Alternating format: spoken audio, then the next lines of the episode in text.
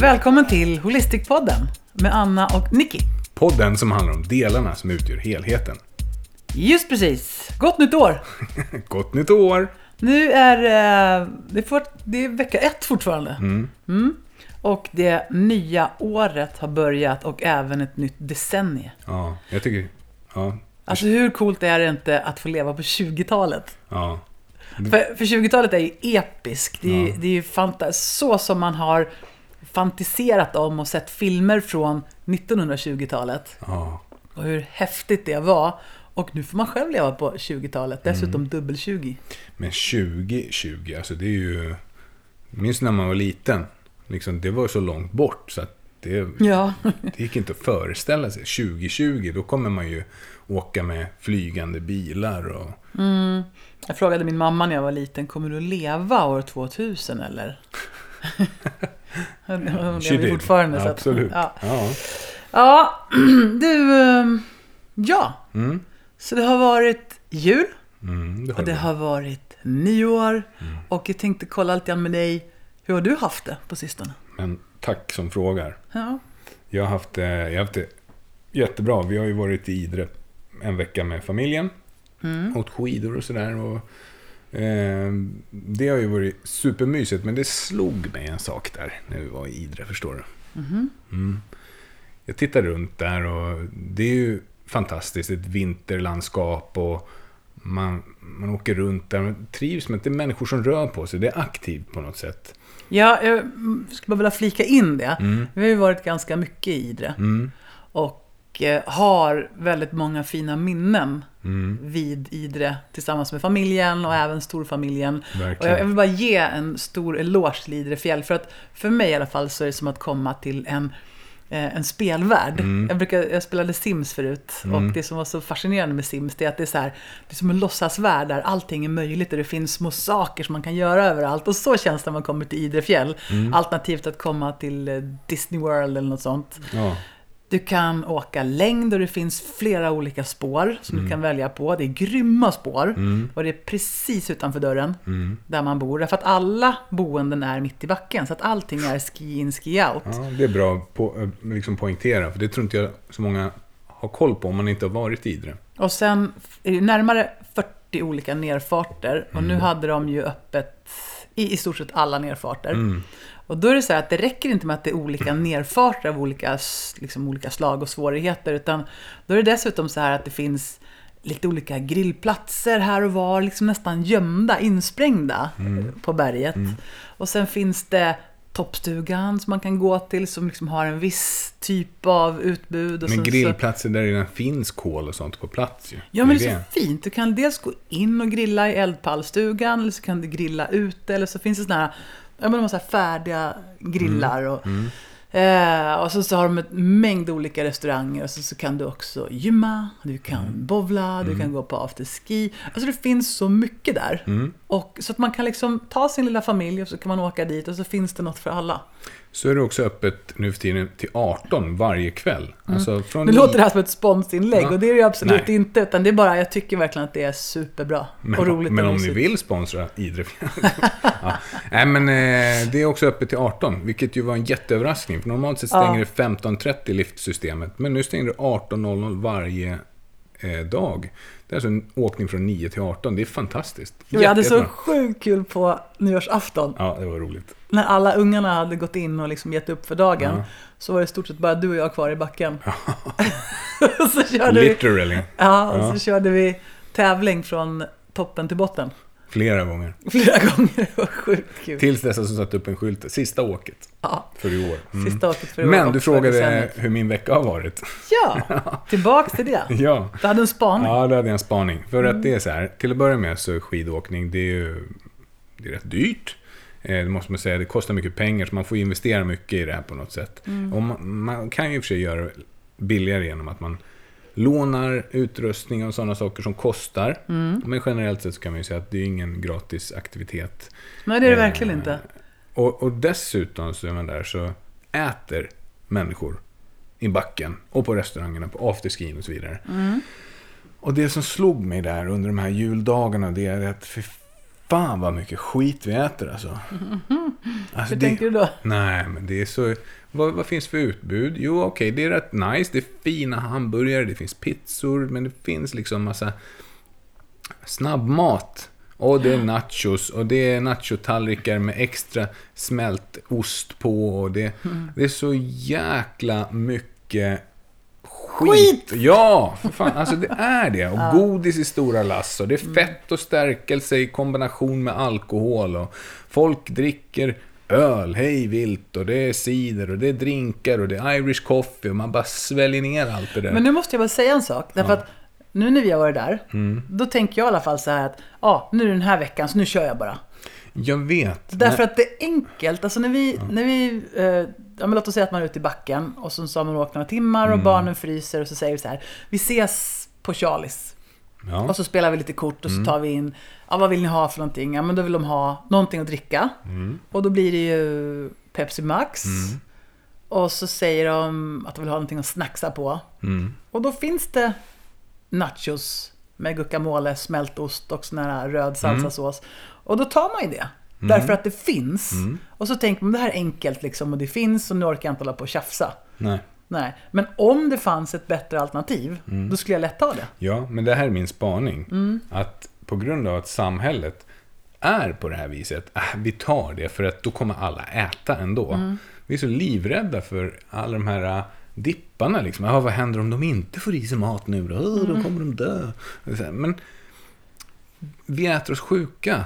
Mm. Det, alltså, det är bara att inse, de här julveckorna som vi har, då, då är det som att alla spärrar försvinner. Äh, det är bara nu under jul så jag, jag äter godis varje dag. Det, det, är liksom, det är bara att kolla i butikerna hur mycket som säljs och vad det ligger fokus på för någonting. Och man, man säljer. Och jag, jag tror inte att det där är bra.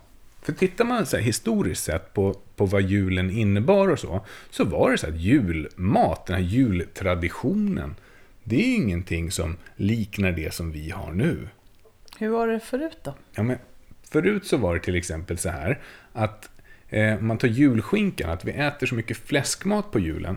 Det beror på att man under självhushållets tid inte åt annat än insaltat kött under övriga året.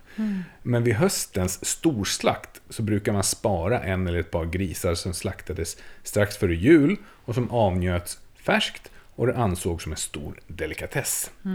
Och Julskinkan hörde däremot inte hemma på julbordet i bondesamhället. Skinkorna de brukade sparas till sommaren och styckas till mindre bitar. Och det mesta av fläsket kokades förr i tiden och det feta spadet användes exempelvis till dopp i grytan.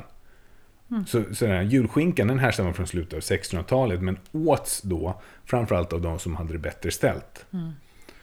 Och det här är ju liksom så här, det var ju en grej, men att ha ett så dignande julbord med massa krusiduller och grejer och så tre Ja, jag vet, och det, det är ju som att julen och dess traditioner Mm. är skapta för en tid där vi inte hade det så fett. Exakt. Och då blev julen en möjlighet att liksom verkligen... Splash out. Ja, jag tänkte faktiskt Ja, säga det. ja. Eh, Men nu har vi ett överflöd alla dagar i veckan, Ja. året om. Och då blir det ju då blir det liksom som att på överflödet så ska vi fläska på ännu lite mer. Precis det.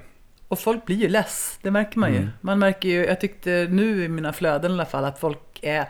Dagen efter så kastar folk ut julen. Åh, gud Ja. vad skönt! Ut med granen, ut med allt som är jul, Mm. ut med blommor, hyacinter och allt vad det är. Mm. Mm. Så att Nej men det var spaningen liksom. spaningen var att vi har fläsk på fläsket. Ja, lite grann så. Mm. Och fläsk på moset och mos på fläsket och allt. Nej, det, det, är Mm. liksom, det, det är för mycket. Det vore intressant att se hur mycket mat slänger vi efter julafton till exempel. Det är inte alla som äter Mm. upp alla rester tror jag, utan jag tror att det slängs enormt mycket. Mm. Och all inlagd sill som blir kvar. Och vem, vadå? Man brukar prata om, eh, vad var det, salsa, eh, ja, tacosås kyrkogård. tacosås kyrkogården. Fantastiskt uttryck av Fredrik Backman. Ja, man Det köper en ny tacosås till varje fredag kväll och till Ja. slut så har man 20 tacosåsburkar längst bak kvar. i ky- kylen med en slatt kvar. Ja. Och jag tror att det blir sillburks kyrkogården också. Ja, det liksom kanske. ligger massa julmat eh, längst in i kylen som, ja men jag ska äta det sen, men så händer inte det. Och sådär.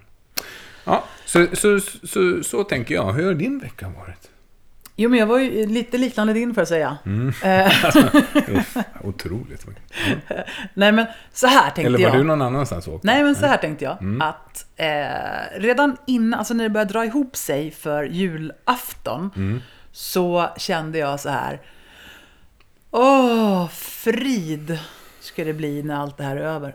Ja, men lite så. Så kändes det. Mm. Lite tråkigt. Ja. Eh, Jag hade inte köpt några julklappar och jag tror det var tre, fyra dagar innan så liksom tog jag och rev av allting. Mm. Och det känns lite grann så här, precis som du säger, fläsk på fläsket. Jag tycker att våra barn har det mesta de behöver. By far. Och så ska man liksom springa runt och köpa en massa grejer och liksom nästan klia sig i huvudet. Åh, vad ska jag hitta på? De har ju allting redan. Vad ska jag... Det är helt sjukt. Och tråkigt sätt att shoppa på. Verkligen, för det är mycket, mycket roligare att överraska någon då och då när de behöver någonting eller inte får, behöver för att man någonting. får feeling. Ja, exakt. Det är ju en sån värld vi lever i just nu. Så då springer man runt där som en idiot och stressar och sätter av tid för att köpa saker till människor som egentligen inte behöver det. Och så, dessutom så har man ju en viss stress över att Åh, blir de nöjda nu då? I ärlighetens namn. Det här är ju skämmigt, men så känns det ju. Har vi nu presterat tillräckligt bra som julklappsgivare? Kommer de bli glada eller kommer de bli sura? Kanske de köper tre julklappar till så kanske de inte blir så arga. Ja, men, Ja. så tänker man sig, det går ju över. Alltså, ja, okej. Ja, i alla Mm. fall. Och då, då är det ju så här att julen ska ju vara någonting bra. Mm. Det man längtar efter, det är ju där när vi sitter i soffan tillsammans och tindrar. Mm. Nej då, men det är lite Tinder faktiskt tycker jag. Klockan tre där. Det är lite Tinder. Det är lite Tinder. Ja, men inte den sortens Tinder. Nej, Men eh, och vi har ju som tradition då att vi går ut i Eliospåret. Mm. Och så leker vi lekar under några timmar. Mm. Min brorsa håller hov och har anordnat orienteringar och lekar och tävlingar. Och, och så grillar vi korv och spelar musik. Och det är sjukt mysigt. Och det är det barnen längtar efter. När vi har frågat dem, vad längtar ni efter på jul? Åh, att få ut i spåret och leka. Och det, det, det nämnde vi i förra podden också. Det, det visade, det blev ju verkligen så. Men Det blev ju så, det var jätte, jättemysigt. Och så kommer man hem och så tar man och duschar och bastar och byter om. Och sen sitter man faktiskt i soffan och tindrar mellan klockan tre och fyra. Ja, och dricker bubbel och har det gött. Yeah. Det är det man längtar efter. Men sen ska man ändå liksom, ja, prestera och konsumera sig igenom julafton. Och sen är man helt slut på kvällen och dagen efter. Och så känner man så här, åh vad skönt nu är det över. Nej, fasen, vi har ju nyårsafton också. Den ska ju också liksom på något sätt bli så jädra bra. Så när man redan var fattig så blir man ännu fattigare. Eh, Vår dotter fyller ju år dagen innan nyårsafton. Ja, det är... Så det blir ju lite kaka på kaka där. Så då eh, åkte vi till fjällen. Och så firade vi ju henne. Och det är också lite lustigt. Ska man köpa födelsedagspresenter till någon som precis har fått en hel jädra julafton? Men snacka om att... Tänk om man skulle födas på julafton och heta Eva. Ja. Alltså det är också sjukt tråkigt. Eh, och sen så var det nyårsafton och det, helt ärligt, min spaning är den här. Vilken jädra press det är på högtider ibland. Och vi hade ju också det nu då. Alltså, det är en av orsakerna till att jag tycker att det är nice att åka bort över nyår. Mm. Och framförallt till någon så här fjällort eller alport. Därför att då känns det som att, ja men vad bra, då, då blir nyår här och det är grejen. Mm. Jag tycker det är skönt. Mm. Då kan man vara ute och sporta hela dagen och sen så kan man gå in och sen så kan man puffa lite bubbel och sen är det typ klart. Mm. Ändå är det ju det där att när pressen ligger på, det är oftast inte då magin uppstår. Nej. Utan verkligen magin uppstår ju oftast då dagen efter när man sitter i långkalsonger Mm. och, och garvar häcken av sig och spelar kort. Ja, verkligen. Och man får en sån här känsla av att det är så jädra mysigt. Mm. Och ingenting är liksom snyggt eller städat, utan det bara blev. Det är det där. Det är de där stunderna som är magiska. Ja, och sen så sa du så här, men ta med längdskidorna ändå. Och Ja. eh, så tog jag med mina längdskidor som har inte använts flitigt de senaste tio åren. De har legat som någon sorts stöd uppe i vårt förrådstak. De har åkt två Vasalopp, det har de. Inte Ja. snabbt, men de åker långt. Så är ja, ja. ja. Och jag var ute tre gånger i alla fall. Så Mm. det blev lite drygt tre mil åkning. Och du var ute fyra Mm. tillfällen. Och det var ju fantastiskt. Fasen vad skönt. ja. Det var Det är fantastiskt. grymt. Kul att det funkar också. För min del måste jag säga. För höfternas skull så är det ju nice. Att känna att jag kan pinna på det, känner ingenting. Och då ska jag glida in lite grann på dagens ämne. Glida in, Mm. Ja. förstå, längdskidor och grejer. Alltså vad seg jag jag var där. Det borde jag ha fattat. Ja. Mm. För vi Glid. åkte längdskidor och Mm. det är verkligen inte, det är inte min främsta gren. Inte så att min säga. heller. Nej. jag, för jag har också åkt Vasaloppet nämligen. Ja. När jag fyllde 30 så åkte jag Vasaloppet och Mm. eh, jag har sett filmen så jag vet for a fact att jag inte är bra på längdskidor. Jag ser sjukt kul ut dock. Ändå, åkte du, ändå så körde du fortare än vad jag gjorde. Det är helt otroligt. Jag körde ganska fort Ja, det faktiskt. du. Men, Verkligen. men det tror jag bara var pannben och armstyrka, inget Mm, annat. I alla fall.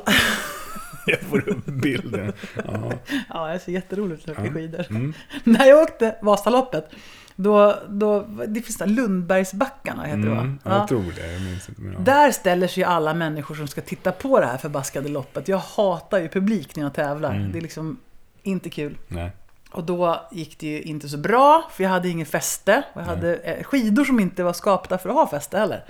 Jag var för lätt för de här skidorna. Ja.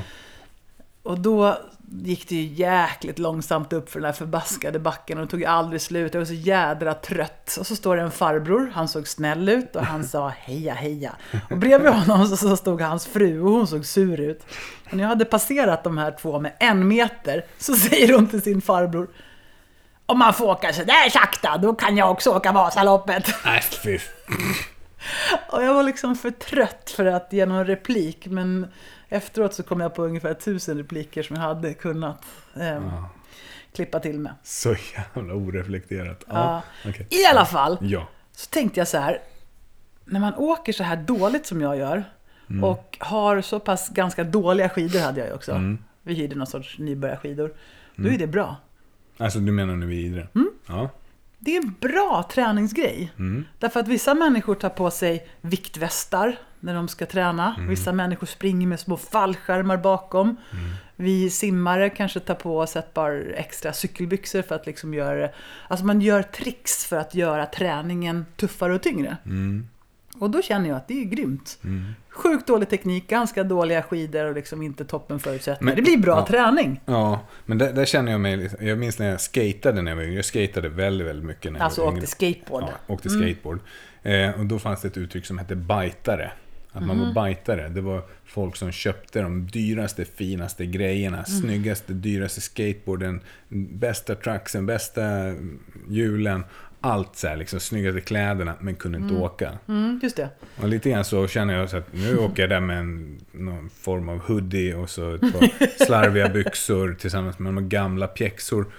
Och jag skiter i det. Alltså jag kan ändå Du är inte så åka... söt, du ser absolut inte ut som en längdåkare ute i Nej, spåret. jag kan inte åka skidor så, eller längdskidor så bra i alla fall. Så att jag skiter lite grann. Då kan jag Ja, men kontentan i alla Ja. fall. Det var en fantastisk Ja, det upplevelse. var det. Ja. Varje gång. Mm. Det var ju grymt. Men vad menar du inte ser ut som en skidor? Nej, Nej, det är dumt. Ja. Mm. Men i alla fall, Ja. det här glider ju in på ämnet för idag. Mm. Berätta lite om det då. Jo, jag tänker så här. Nu är det ju nytt år och förra veckans poddavsnitt så pratade vi lite grann om det här med att sätta intentioner. Mm, Att ha förhoppningar och önskemål inför det nya året. Mm. Många är så här, nej men jag vill inte ha några nyårslöften och bla bla bla. Och så kan man ju tycka, så kan man ju Absolut, känna. Men jag personligen älskar kraften och magin i ett nytt år. Mm. Att få vända fint. blad, att få sätta intentioner och önskemål och på något sätt liksom känna att här har jag en eh, helt blank sida framför mig. Ja. Det är schysst, Mm. det är bra krafter i det. Så då tänkte vi idag följa upp med att prata om någonting som de flesta tänker på så här års. Vadå? Att komma igång på ett riktigt bra sätt. Och det som ligger folk nära om hjärtat så här strax efter nyår, det är ju sin egen hälsa. Mm. Kroppen, formen, välmåendet, orket, styrkan, kraften, energin. Kalla det för vad du vill. Det finns många orsaker. Men vi ska prata om det där. Mm. Och vi har ju ägt gym i 20 år. Ja. Jobbat som personliga tränare minst lika länge. Mm. Och jobbat med personlig utveckling på både fysiska och psykiska plan. Mm. Så därför tänkte vi verkligen klippa till med eh, ett avsnitt som vi kallar för Nu kör vi. Yes, nu kör vi Anna. Så nu kör vi. Mm. Och om vi pratar om det här ämnet då, fysiologi först, eller fysiologi för framgång kan vi också säga. Vad ska det leda fram till? Ja, det borde ju leda fram till någon form av insikt om att vi ju är fysiologiska varelser. Alltså, vi är ju våra celler. Det, det är Ja. det som jag tycker är så fascinerande. Som, som det känns, min upplevelse i alla fall, att det inte alltid reflekterar så mycket kring det faktum att vi faktiskt är en klump av celler. Och varje cell har sin egen lilla ämnesomsättning och ett eget litet liv. Och de här små organen i cellerna, de kallas ju för organeller. Det är så fint på något sätt. Och det är de som skapar det här magiska som kallas för liv. Genom att mitokondrierna skapar energi och genom att de skapar hormoner och ämnen och klistrar ihop ämnen till nya saker och så vidare. Gör byggstenar av oss själva. Och därför så måste vi se att vi måste börja med vår fysiologi. För att allting det som är våran uppenbarelse, människan, är fysiologi. Våra tankar är fysiologi. Våra känslor är fysiologi. Våra beteenden är fysiologi. Hjärnan består av celler, Och det är fysiologi. mm, hjärnceller, sen så har vi muskelceller och Ja. sen så har vi en 7000 massa celler. Ja, Ja. absolut. Ja, men det är ett schysst resonemang. Så vi består av celler och de är fysiologi och därför måste vi inse att det är där vi börjar. Om vi mår skit så är det cellerna som mår skit. Coolt! Mm. Så om vi liksom baserar oss på det då, Mm. att eh, det är, vi pratar om cellfysiologi. Mm. Vad, vad tänker vi liksom mer? Vad skulle, om du satt och lyssnade på det här programmet nu då. Mm. Det är första veckan på ett nytt år och ett nytt decennium. Du har vaga tankar om att nu jädrar, det här är mitt år, det här är mitt årtionde. Och jag ska börja med att komma i en jädra form. Brukar man inte tänka så? Jo, jag, Nu. jag tänker så i alla fall. Ja, vad kul. Helt klart. Vad, kul. vad Ja. skulle du vilja höra? Nej, men jag skulle inte vilja höra ett avsnitt med cellfysiologi.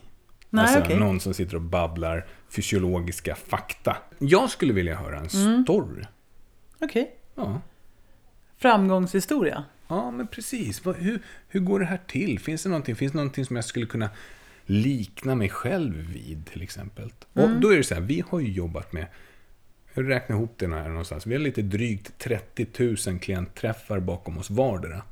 Så sammanlagt sitter vår erfarenhetsbas på ungefär 60 000 klientträffar. Sen vi började jobba med det här. Och de här 60 000 timmarna kan vi då göra om det till. Där, vi har, där vi har suttit med människor och jobbat med dem. Har ju bidragit till att man ser mönster, man har lärt sig en herrans massa saker om mänskligt beteende.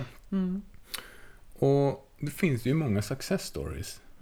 Det är ingen slump att de har kommit till en. Det vore ju spännande att höra mer om. Ja. Eh, stories om riktiga människor. Ja.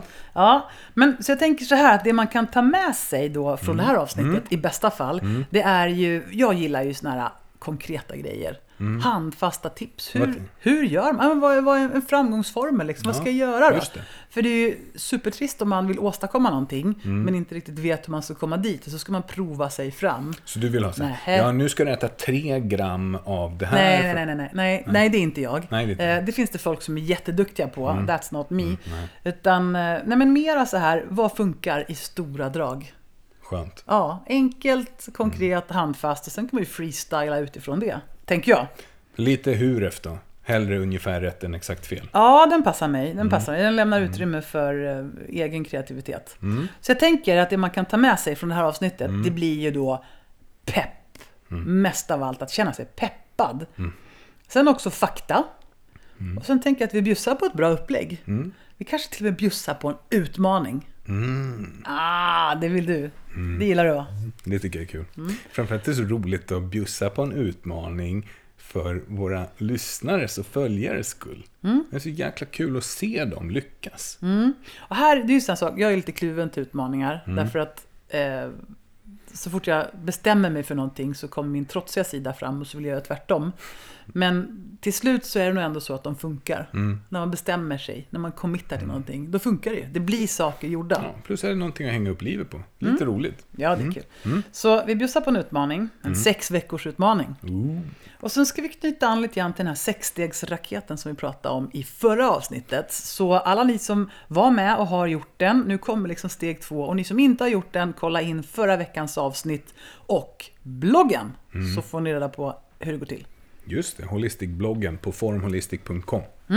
Precis, ja men du, då, Nu kör vi! nu kör vi. Yes! Så jag har tänkt på en grej. Om man nu inte köper det här resonemanget med att vi är celler, Va? Okej. Ja. Då, ja, nu ska det bli intressant att höra. Så, eh, nej men om man på något sätt då tycker att, ja men vadå, jag, jag har klarat mig ändå, det går bra för mig, det funkar bra det här. Ja. Det finns ju många som är så. Ja, just det. De som gärna vill tro på den här franska paradoxen. Ja men verkligen, Mm. men jag tränar aldrig, jag röker sju cigg om dagen och kolla på mig, det går hur bra som helst. Och min faster minsann. Ja men exakt, Mm. precis. Men då är det ju så här, det finns tre områden som man kan vända sin blick emot. Det finns säkert flera, men de här tre är så alldeles, alldeles självklara. Mm. Om man tänker sig att man har ett litet barn, Mm. eller kanske inte har ett eget barn, men har sett barn, Mm. eller på något sätt varit i närheten av barn, Eller vet att det finns barn. Mm. eller har varit ett själv. Oj. Japp. Då är det så här. Mm. Det finns ingen vettig människa som kan tänka sig att man ska åstadkomma någonting av värde eller välbehag med ett barn som inte har fått äta, sova och röra på sig. Nej. Ganska logiskt. Ett litet barn Mm. som är hungrigt eh, är hungrigt. Mm. och det behovet kommer inte gå över förrän du fått äta och dricka. Ett barn som är trött Mm. är soptrött. Och det blir liksom inte toppenbra Nej. förrän barnet har fått vila och sova. Nej. Och samma sak, ett barn som inte har, ja, man har suttit still hur länge Mm. som helst. Det vet ju alla hur det går. Det kliar och spritter i benen och ungen blir arg eller frustrerad. Mm. Det är så självklart på små barn. Så att om man till exempel vill att barnet ska lära sig något eller vara med på någonting eller koncentrera sig på någonting. Ja, men då ser man till att de här behoven är tillgodosedda. Förstås. Eller ska man titta på djur. Mm. Djurägare är ju otroligt duktiga och intonade på sina djurs behov. Du vet ju också när man har pratat ja, med ja, eh, kattmänniskor som säger att ja, min katt har ju de här 17 tillskotten och det är så viktigt för katten blir så glad och får så blank päls. Mm. och så säger man, vad tar du för tillskott då? Va? Nej, jag, tar, jag får i mig allting. Jag äter så bra. Eller hästmänniskor, de Mm. är ju helt fantastiska på nu behöver hästen äta så här många gram eh, hö. och, och sen ska den inte äta, för sen ska den gå, men den ska gå ett vilopass idag. Och sen ska vi stretcha och så ska vi ta och duscha och borsta håret. Mm. Otroligt duktiga på liksom, att känna till exakt vad hästen Mm. behöver i form av vila, mat, träning, återhämtning. För att få, få så mycket energi och hälsa som möjligt. Ja, Mm. och så ska jag inte säga att alla hästmänniskor, men det har hänt att jag har sett hästmänniskor gå ut och ta en cigg sen eh, Mm. och inte alls äta tillskott Nej. eller träna. Mm. Eh, så på djur är det också helt självklart. Mm. De behöver vila, de behöver träna och röra på sig, de behöver en bra, ett bra intag Mm. av kost. Eh, kolla på hundmat och kattmat, liksom. Mm. vad, är det, vad är det man fokuserar på? Ja, vad innehåller det i form av fibrer och proteiner och vitaminer och grejer? Ja. Och själv cruisar vi fram bland hylla efter hylla efter hylla fullt av Halvfabrikat och skitsaker. skitsaker som kroppen måste jobba hårt för att göra sig av med. Mm. Istället för att ge oss näring. Det, exakt. Ja, sick. Eh, Eller så kan vi titta på elitmänniskor. Mm. Elitidrottare. Ta ett framgångsrikt fotbollslag till exempel. Tror att någon förbundskapten någonsin skulle säga Hörni grabbar eller tjejer, eh, ni kan dygna nu innan den här viktiga landskapsmatchen. Ja, det spelar ingen roll hur mycket ni sover. Alltså det, det, sömnen är irrelevant. Exakt, det Mm. finns ju inte på kartan. Utan alla vet ju att det är optimalt Mm. utvägt hur man tränar, vad man tränar, Mm. när man tränar det här. Exakt hur mycket ska vi vila för att Mm. toppa formen? Hur pass mycket behöver man sova när man är elitidrottare? Det är ju inte ovanligt att man sover middag därför att man tränar så pass hårt. Och sen kosten är ju Mm. superviktig på alla elitidrottare. Vad man Verk- äter före, under, efter tävlingar Verkligen. och träningar. De här tre grupperna Mm. vet alla, det är så självklart.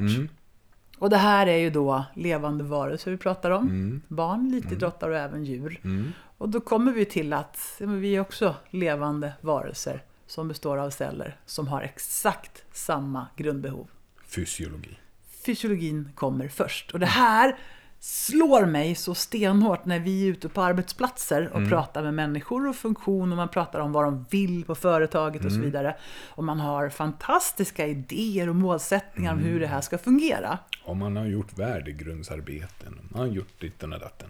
Jajamän, man, och man impli- implementerar nya system och... Och lägger, lägger sjuka summor på, att, eh, liksom, eh, på de här nya systemen och på implementeringarna och så vidare. och förändringsarbeten. Ja, Och så pratar man med individerna och så hör man att de är helt slut. Därför att de får inte möjlighet att tillgodose sina grundbehov på ett tillfredsställande sätt. De har en situation i sitt liv där de ibland inte hinner äta lunch eller fika. De hinner inte röra på sig så som de borde för det förväntas att man fäller upp sin laptop så fort man kommer hem. Och de har inte heller möjlighet att vila och återhämta sig tillräckligt. nej. Och då tänker jag säkert samma sak som du B2. Det tror jag B1. Ja.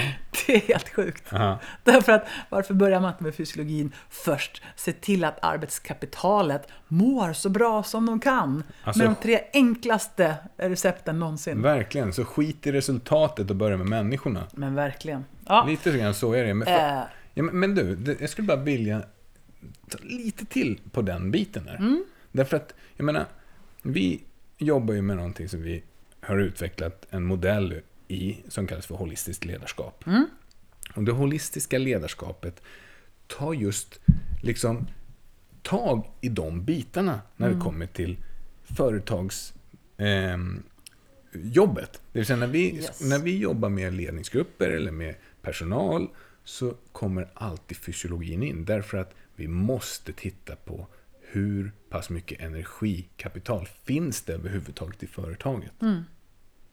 och det här är ju så lustigt. Det är så enkelt och det Mm. är ju så rakt framför ögonen in your face. Mm. Och ändå är det så många som tittar förbi det. Det är som att det inte är tillräckligt komplicerat och avancerat Mm. för att liksom satsa på. Det är superenkelt, det är basic och det är precis framför en och ändå är det så många som missar det. Det är så Mm. Ja. fruktansvärt många som missar det. Verkligen. Och ju mer man tittar, för jag tycker de senaste 15 åren i alla fall, så har ju utvecklingen gått åt att folk har ju inte fått bättre eh, förutsättningar för att Nej. lyckas med de här basbehoven, utan sämre.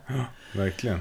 Så ja, det här är helt makalöst och det är det som är vår stora framgångsfaktor. Ja, Att vi har helhetsperspektivet. Vi är experter på att börja från grunden och sen bygga på. Ja. Mm, Lite, grymt. lite skryt där, men, men faktiskt, jag tycker det här är, det är förbluffande och det är helt jädra självklart. Och har, har vi, helt ärligt, finns det något företag eller någon klient som vi har jobbat med där det här inte har varit grundläggande viktigt? Nej, men, och dessutom är det så enkelt, därför att så fort som du kan... Jag menar, alla börjar ju på olika grund. Du kan inte säga att nu ska alla här på företaget springa maraton. Det är ju inte aktuellt. Utan inte. man pratar ju om att möta människor där de är och se hur kan den här individen öka sin energi. Mm. Och så jobbar man med var och en.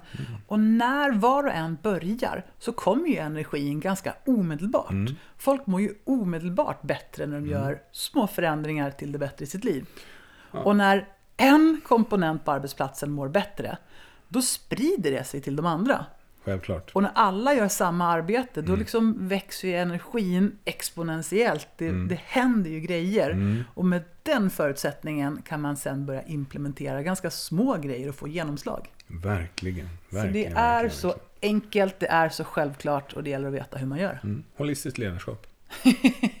Fantastiskt. Yeah! Ja, jag tycker det. Ja, men i alla fall. Mm. Jag tycker vi pratar lite mer om dig Okej. För du sa att ja, men så här års, då går jag och funderar på att nu jädrar ska jag komma i form. Mm. Vad tänker du då? då?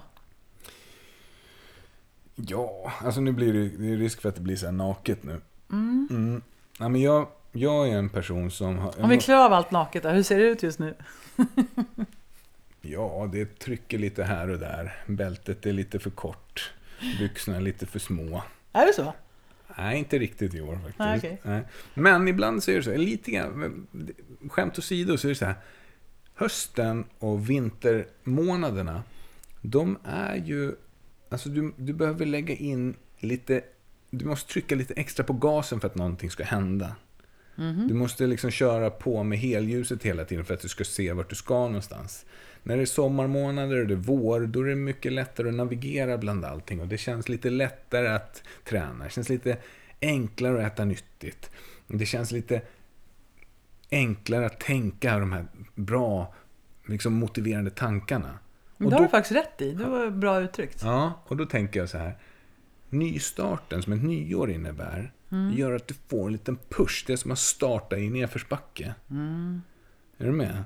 Så att starta en förändring i mörkaste november, det är säkert jättebra, men det är helt ärligt inte superenkelt.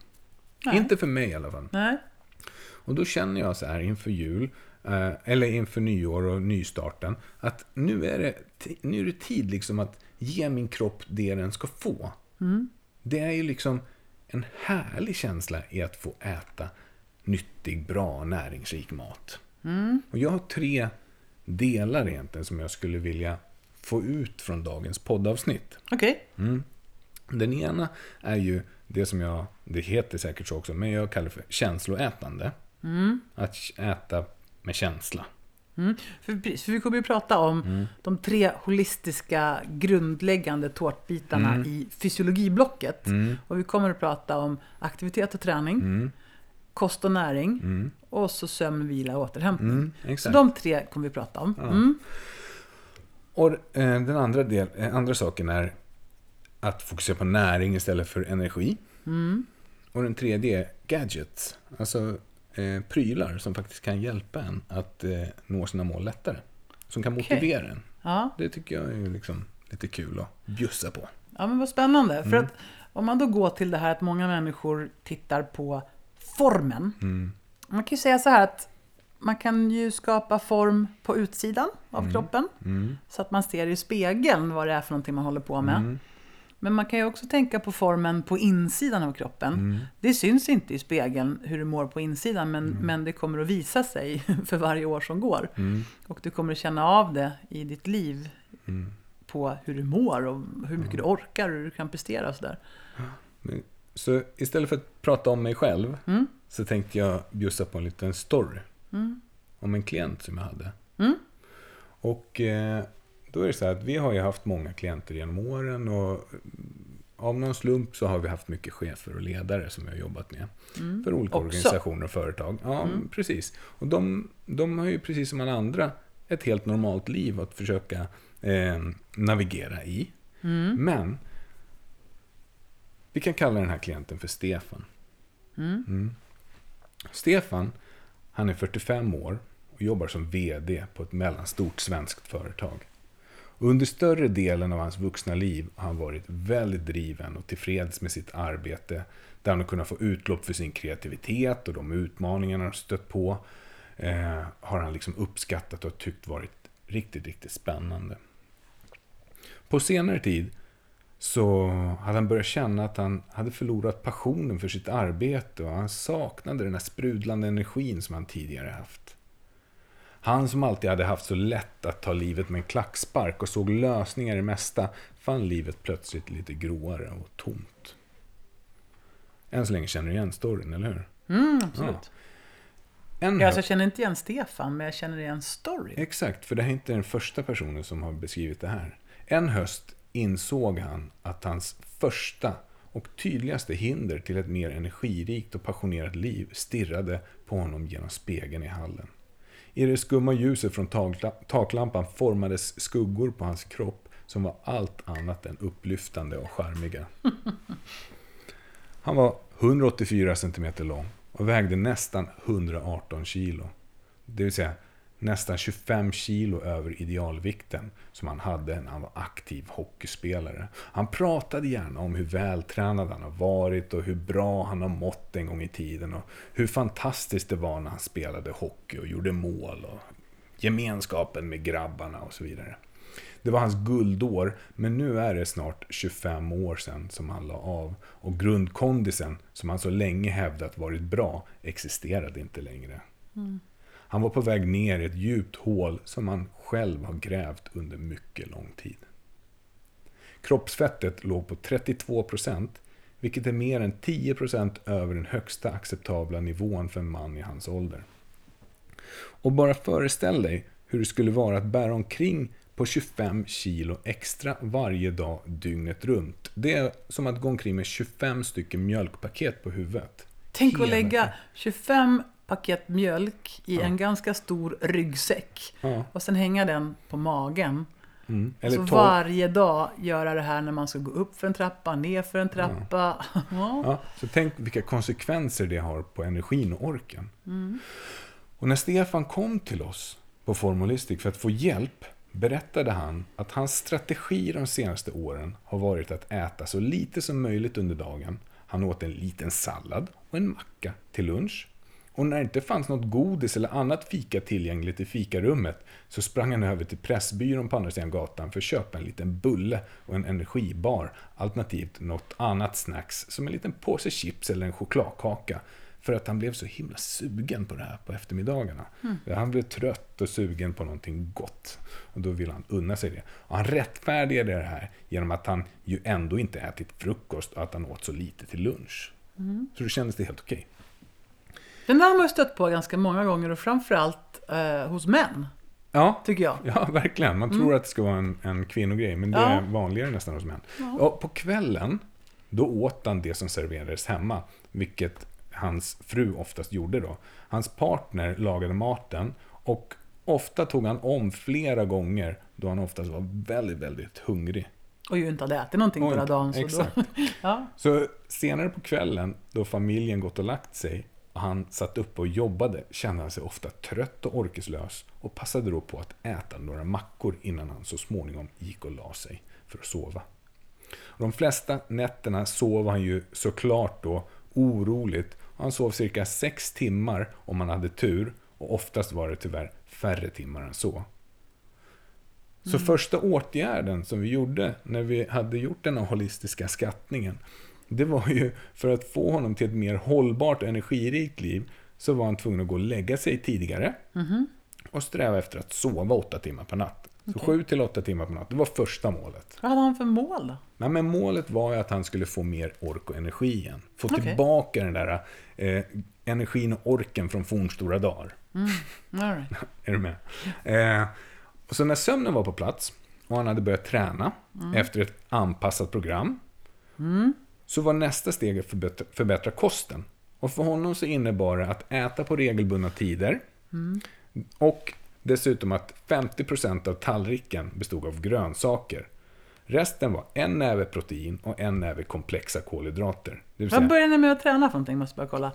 det var Börja med att introducera att han skulle sova ordentligt. Mm. Gå och lägga sig tidigare. Exakt. Ja, och så, hur många timmar skulle han få ihop då? Ja, men hel, alltså åtta är gold standard, men sju Ja. till åtta timmar. Mm, Okej. Och sen sa du att han skulle träna. Och vad, vad hade ni för Ja, träningsprogram? men då var det 3 gånger 30 minuter i veckan. Där det var hälften kondition och hälften styrka. Väldigt det enkelt. låter ju görbart ändå. Det är ju det. Jag tänker 15 plus 15 tre gånger i veckan. Och utöver det Bra. så skulle han promenera minst 10 000 steg om dagen. Just det. Och den får ju folk kämpa lite grann för, men det går ju definitivt. Det är egentligen skitenkelt. Ska, nej, det är faktiskt inte så svårt. Eh, så en näve protein, alltså kyckling, fisk, skaldjur, tofu, whatever, som är protein. Och en näve komplexa kolhydrater. Bruna, fula, grova kolhydrater.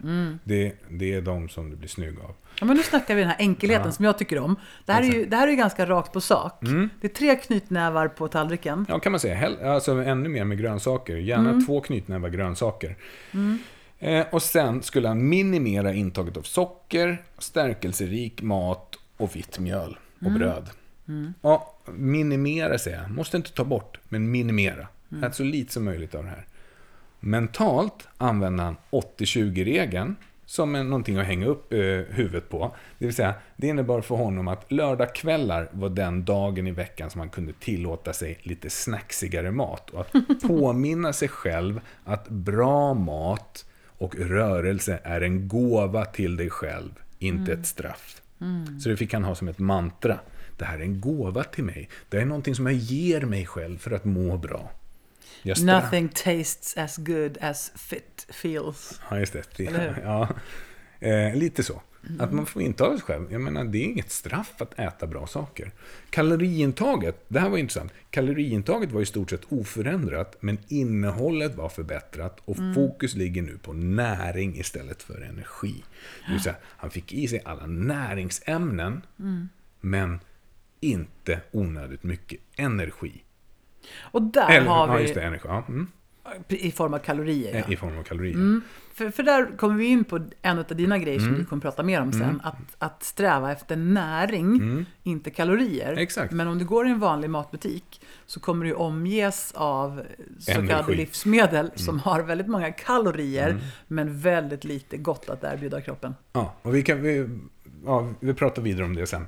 Eh, Vi pratar Va- mer om Stefan. ja, hur tror du det gick för Stefan då? Ja, men nu har ni varit inne och petat på tre utav tre grundläggande fysiologiska behov. Mm. Så jag kan tänka mig att han... Eh, jag- kan känna på mig att det var skönt för honom att sova mer. Och att det frigjorde mer eh, kreativ kraft i huvudet. Och då kanske man också, också orkar lägga mer tryck på att äta bättre. Mm. Och om man börjar träna, då smyger det sig ju på mer energi och kraft och styrka. Ja. Förutom att han fick mer arbetsglädje Ja. och förutom att han fick beröm för sitt chefskap och ledarskap och förutom att hans relation hemma blev bättre och intensivare och mer passionerad på alla sätt som man kan tänka sig, som vi inte ska gå in på här. Men det var väldigt... Eh, Han fick ligga alltså? ja. eh, så på sex månader så gick han ner 12 kilo Jädrar. och fettprocenten minskade till 22 procent. Så optimalt. Så optimalt. Och han upplevde också att han har fått bättre koncentrationsförmåga, mer energi och mer ork och kände sig gladare än på många, många, många år. Han hade tagit sig Wow. ur den här gropen, det där hålet som han hade grävt sig ner i. Och det här är ju så spännande därför att de här tre sakerna Mm. är ju ingenting som är dyrt. Det är inte rocket science heller. Det är inte heller svårt och avancerat. Jag skulle nästan kunna säga att det är möjligt för alla Mm. att göra de här grejerna. Och dessutom, finns det någon medicin i tablettform som hade givit samma effekt? Nej. Ingen. Ingen. Det gör ju inte. Ingen. Ja, nej, men det här är fascinerande eh, och superhäftigt och det är klart som fasen att han mådde bättre. Och då kan jag fråga dig Sebba, mellan tummen och pekfingret. Hur många sådana här klienter har du stött på genom åren? Ja, det, det blir ju väldigt, väldigt, väldigt många därför att det är ju så här det ser ut att gå till. Ja. Faktiskt. Sen är, alla kommer ju in med sina unika berättelser. Men eh, resultaten påminner ju om varandra. Det gör ju det. Att man eh, lyssnar, skruvar på de skruvarna som behöver skruvas på. Och effekterna kommer ju alltid. Och när man använder coaching, som vi gör, som redskap, då är det ju så att då får man ju klienten att komma till skott gång på gång på gång på gång, tills de är självkörande. Och när man är, mitt mål eh, med, med allt mitt arbete som jag gör, det är att faktiskt få mina klienter att bli oberoende av mig. Ja. Jag har alltid velat som PT också att de ska kunna, kunna designa sina egna träningsprogram till slut. De ska kunna träna själva, tänka själva och inte behöva mig. Så jobbar vi både på naprapatkliniken och på träningsbiten. Att man vill ju undervisa folk för livet. Ja. Men jag har en, en annan story faktiskt som är inte lika detaljerad. Nej. Men jag har ju jobbat en hel del med eh, tjejer, Mm. kvinnor i alla möjliga åldrar och sådär. Mm. Och det finns många personliga tränare som är jätte, jätteduktiga på att få folk att liksom verkligen bli rippade eller Mm. göra kostprogram som fungerar så att man går ner som en klocka i vikt. Mm. Det har inte varit min styrka. Nej. Och jag tror att det har att göra med att jag tycker att det är så tråkigt. Ja. jag tycker det blir så väldigt platt liksom att Jaha, nu ska vi mäta kilon här. Och Det säger inte så mycket om, om ens hälsa heller egentligen, helt ärligt. Nej, för mig så har det alltid känt väldigt, väldigt viktigt att jobba lika mycket med inställning till sig själv. Mm. Och jag hade en kvinna som gick hos mig och hon var eh, i stort behov av att få gå ner i vikt, tyckte hon själv. Mm. Åh, jag måste gå ner i vikt. Jag har varit tjock i hela mitt liv och jag har gått på Viktväktarna i omgångar. Och Visst har jag lyckats att gå ner lite grann, men så fort som jag slutar så går jag upp i vikt igen. Mm. Eh, och så tittar jag på den här kvinnan och en fantastisk människa med sån otrolig personlighet och utstrålning och kunnande. Och hon var mamma och hon var fru. Och hon var chef för en liten grupp och hon var en inspiratör. Och hon var även för mig en person som jag såg upp till väldigt mycket. Mm. Så vi började prata ganska mycket om värdet i hela människan. Inte bara i det som går att mäta på vågen. Nej. Och vi började jobba en hel del med övningar Mm. som leder till acceptans till att börja med. Mm. Och sen så småningom även självkärlek Mm. som går bortanför vad vågen säger och vad klädstorlekarna säger. Eh, Så det där har alltid varit min starkaste grej. Att absolut, de som kommer till mig har ett mål att om x antal veckor så ska jag se ut och vara på det här sättet. Men jag vill helst att man så fort som möjligt ska kunna titta sig själv i spegeln och se att jag gillar det jag ser där. Hur jobbade du med det då, med självkärlek?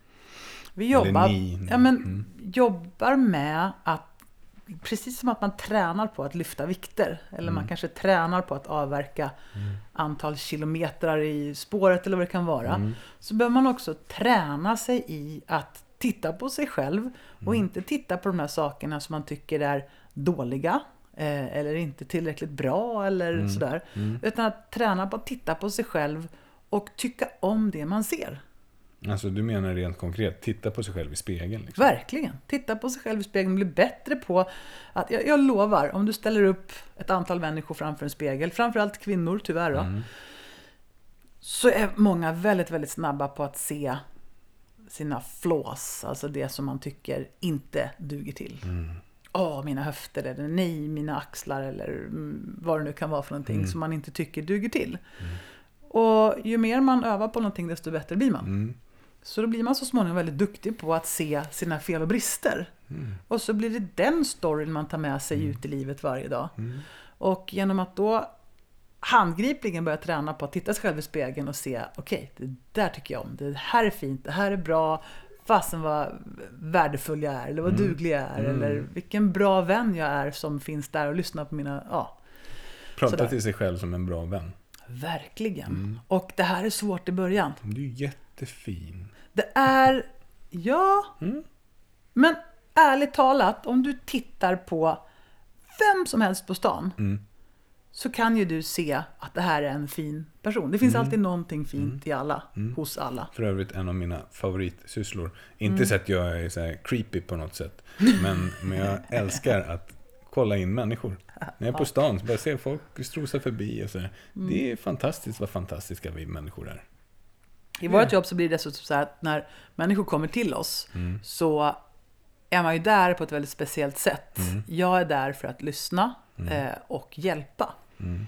Och då, då får man ju en chans att verkligen se en person. Tycker man får se bakom kulisserna. Ja, lite så. Mm. Eh, och då är det väldigt enkelt att se bakom kulisserna och bakom det som eventuellt kan vara...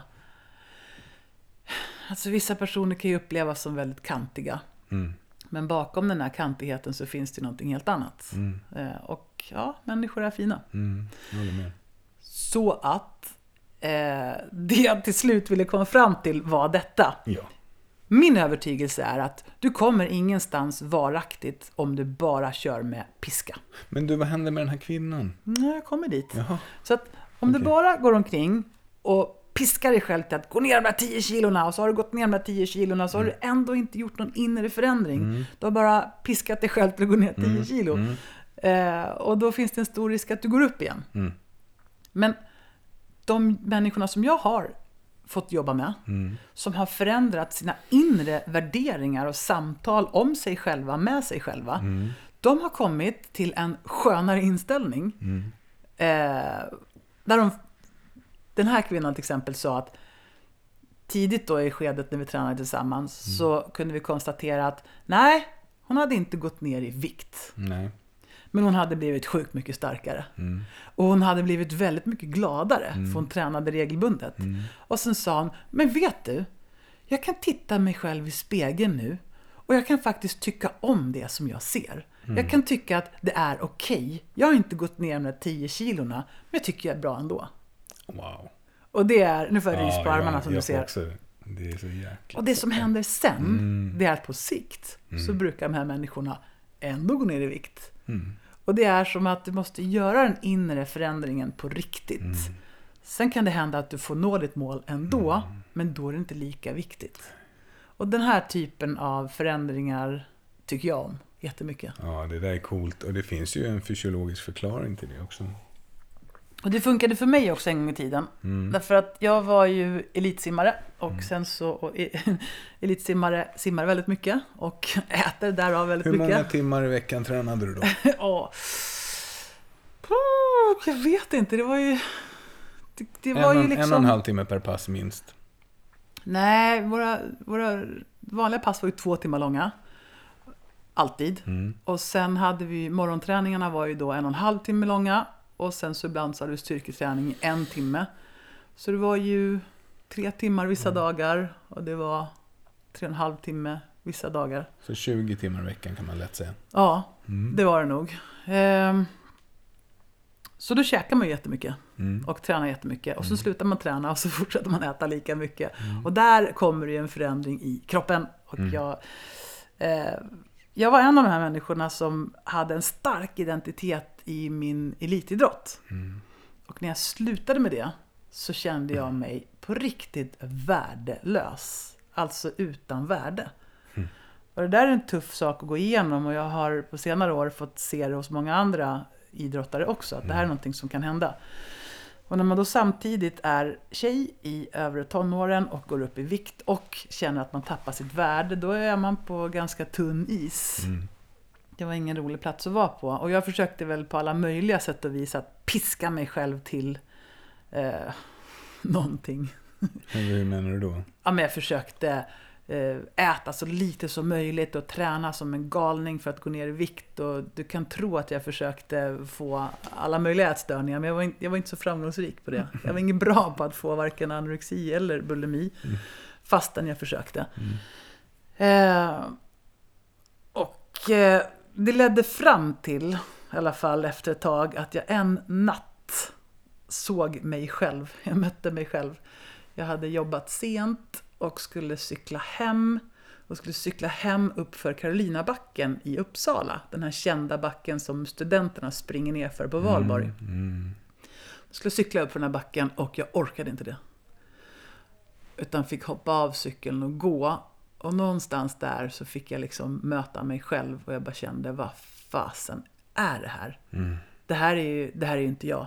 Nej. Vad håller jag på med för någonting? Det är, det är inte klokt. Mm.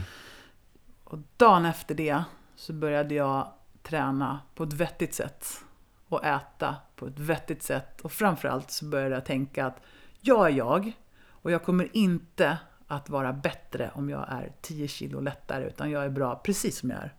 Och jag tänker välja att tycka om mig själv precis som jag är. Och är det så att mina ben inte passar i cigarettbyxor som var trendiga på den tiden. Nej men då får jag väl för fan köpa några andra byxor då. Och då vände det. Coolt. Jag började må bättre och på sikt så gick jag också ner i vikt men det var inte så viktigt Mm. längre. Så återigen, Mm. fysiologin först. Fysiologin först, absolut. Men i det här fallet, psykologin får följa med. Ja, men det hänger ihop. Mm. Ja, men det gör ju det. Det gör ju det definitivt. Mm. Ja, Ehm, det, det är grymt. Men då förändrar det ditt liv helt enkelt då, kan man ju säga. Det gjorde det och det gjorde det så pass mycket så att jag där och då kände att det här vill jag hjälpa andra med. Coolt. Därför att jag hade då varit igenom att vara väldigt bra på någonting och få väldigt mycket uppmärksamhet för det under ett antal år. Men sen tappa hela min självkänsla och mitt värde som jag tyckte. Och känna mig ful och fet och dålig och allt möjligt.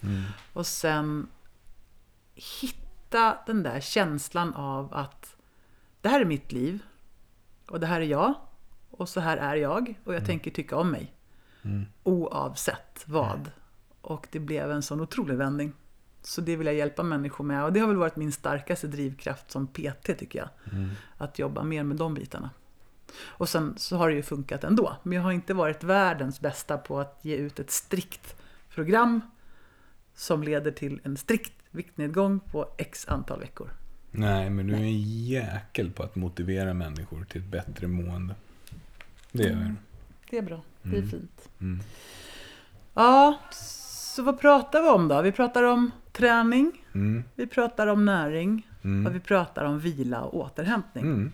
Ja, men de här storiesarna finns ju, det finns ju så oändligt många historier. Och eh, det som är synonymt med alla historier är ju att de är ganska lika, egentligen.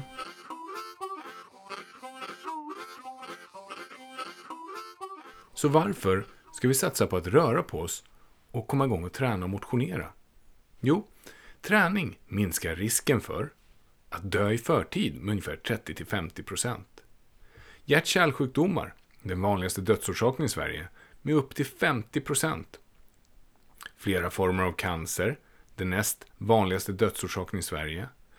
Till exempel fysiskt aktiva personer har 30-40% lägre risk för tjocktarmscancer. Fysiskt aktiva kvinnor har 20-30% lägre risk för bröstcancer. Det minskar också risken för diabetes typ 2 med upp till 40-60%. Ungefär en halv miljon svenskar har diabetes typ 2 och ytterligare en miljon svenskar ligger i riskgruppen för att utveckla det. Det minskar risken för benskörhet. Var tredje kvinna och var sjätte man över 70 år är drabbad. Fall och fallskador är en väldigt vanlig orsak till försämrad livskvalitet hos äldre. Alzheimers, fysisk aktivitet, är den enskilt mest viktiga påverkbara riskfaktorn för Alzheimers. Demens, träning spelar större roll för om du får demens eller ej än vad det gör om du har demens i släkten. Åldersrelaterad minskning av kognitiv funktion som minne, koncentrations och uppmärksamhetsförmåga. Vissa av dessa minskningar börjar redan i 30-årsåldern om du inte tränar. Det minskar risken för stroke med 11-22%. Det minskar risken för Parkinsons sjukdom med 20-30%. Det minskar risken för depression och depressionssymptom minskar till och med även om du inte ens har diagnostiserad depression. Det minskar risken för ångest. Det minskar risken för ryggvärk. Drabbar upp till 80% av alla människor någon gång i livet. Och det minskar risken för förkylning och andra infektioner. Dessutom så förbättrar träning följande saker. Din syreupptagningsförmåga, din styrka och muskelmassa. Ditt humör gör dig gladare. Din kognitiva förmåga, såsom förmågan att ta in och förstå information. Beslutsfattande innefattar exempelvis planering och logiskt tänkande. Hastigheten på ditt tänkande. Och ditt minne. Hippocampus, hjärnans minnescentra, växer eller bevarar sin storlek istället för att krympa med 0,5 till 1% per år efter 30 års ålder. Din sömn, vilket i sig för med sig en myriad av positiva effekter. Det förbättrar också din förmåga att hålla vikten och hjälper dig att gå ner i vikt om du behöver det. Det hjälper ditt blodsocker, dina blodfetter och ditt blodtryck att vara på en stabil och bra nivå. Det förbättrar din insulinkänslighet. Träning förbättrar också ditt immunförsvar och din impulskontroll, framförallt hos barn och barn med någon form av ADHD-problematik. Träning förbättrar din livskvalitet när du blir äldre. Och det förbättrar också din ork och energi, vilket gör att du kan spendera mer tid att göra vad du älskar med dem du älskar under många fler år. Det här är slutet på del 1. I del 2 så kommer vi ge dig några konkreta tips på vad du kan göra för att förbättra dina möjligheter. Så häng med så kör vi vidare i del 2.